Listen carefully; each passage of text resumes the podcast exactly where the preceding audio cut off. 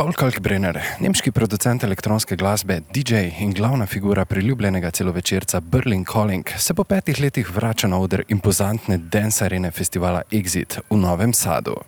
Pred nocojšnjim nastopom smo ga ujeli v hotelski loži in ga vprašali, kakšen je občutek, ko stopiš na enega najbolj priljubljenih odrov na svetu, pred katerim te čaka več deset tisoč glava množica žurerjev. Veliko že uveljavljenih glasbenih izvajalcev, ki so vajeni nastopov na velikih odrih, namreč priznava, da je treba na Exitovi dance areni bolj kot ne zmeraj prisotna. Uh, it's uh, let's say it um, it is changing for somebody who sees it very often, you know. So when I was Mislim, da trema pred velikimi odri izginja sorazmerno s tem, koliko nekdo nastopa. Tako je bilo tudi pri meni. Ko sem se prebil iz majhnih klubov do večjih festivalov, sem se na to navadil. Menim, da je dobro, da nastopajoči nimajo treme. Ne na zadnje, so tam zaradi ljudi, ki si želijo njihove glasbe. Je pa vsekakor zmeraj dober občutek stopiti na Dance Areno. Menda je zdaj še večja, kot je bila leta 2012. But yes, I heard it's much bigger than it was like, when was I here? Like five years ago? Yeah, five years ago, 2012. I think it's much bigger now, I've heard. But still, it's still a great feeling, yeah, to answer the question. 40-letni Nemec je že zaključil svojo dvomesečno turnejo Back to the Future, kjer je predstavljal obnovljene in preurejene tehnoizdelke z obdobja 90-ih. V nocojšnjem nastopu v živo oziroma tako imenovanem live showu, kljub temu, da je s projektom Back to the Future dokazal, da lahko razpleše tudi več deset tisoč glavo množico, obljublja nekaj še bolj udarnega. Come on, it's such a big stage, then they should get the, the full live, live show.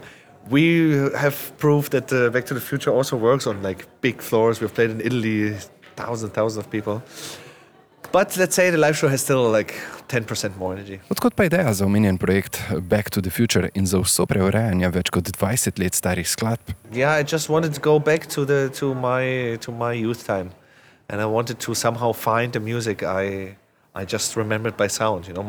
no Želel sem se vrniti v svoje otroštvo in poiskati skladbe, ki se jih spominjam samo po zvokih. Za večino sploh nisem vedel, kdo jih je ustvaril in katera založba jih je izdala. To sem ugotovil šele pred dvema letoma, a sem zelo vesel, da se stvari niso popolnoma izgubile in da sem jim lahko dodal nek nov pridih. Če bi me kdo pred petimi leti vprašal, ali si želim to početi, bi mu takoj odvrnil: Ah, kje, pozabi na te stare komade. Zdaj pa sem res vesel, da smo se lotili tega preurejanja in vzorčenja. Ne na zadnje ima danes ta glasba povsem drugačno strukturo, kot jo je imela včasih njenega izvora. It's not just, you know, when you just enter YouTube, DJ Mix 91, Tresor, it's not the same. It's just too much to. So, reducing, reducing, reducing was the, Paul Kalkbrenner je leta 2015 pod okriljem glasbenega velikana Sony Music izdal studijsko ploščo z naslovom in zaporedno številko 7. Kmalo zatem se je lotil omenjenega projekta Back to the Future, v okviru katerega je posnel tri mikse, polne preomenjenih, preurejenih tehnokomadov in jih podaril svojim oboževalcem povsem brezplačno. Prvotna ideja je sicer bila, da uredijo pravice za te izdelke, a je bilo zaradi njihove starosti težko najti avtorje, zato so se odločili, da jih enostavno podarijo.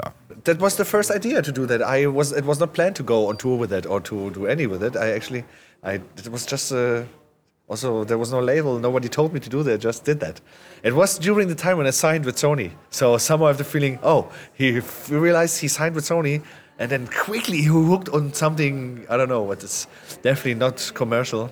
Yeah, that was that was the thing. We ha had the plan that maybe we could like I don't know license all those tracks, but most of them you don't even really find who is there. So we decided to bring it for free.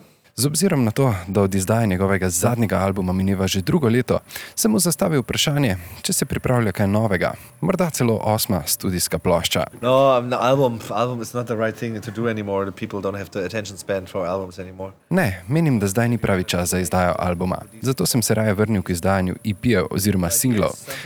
Nastopi s projektom Back to the Future so mi na nek način odprli oči, v smislu, kaj si želim početi v prihodnosti oziroma kak zvok bom proizvajal.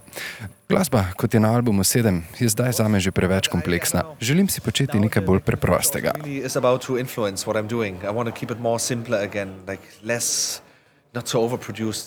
Like on seven, yes. So that's even the more important thing than the cassettes and the shows is actually that that that told me what I should change or do again in terms of making my own music.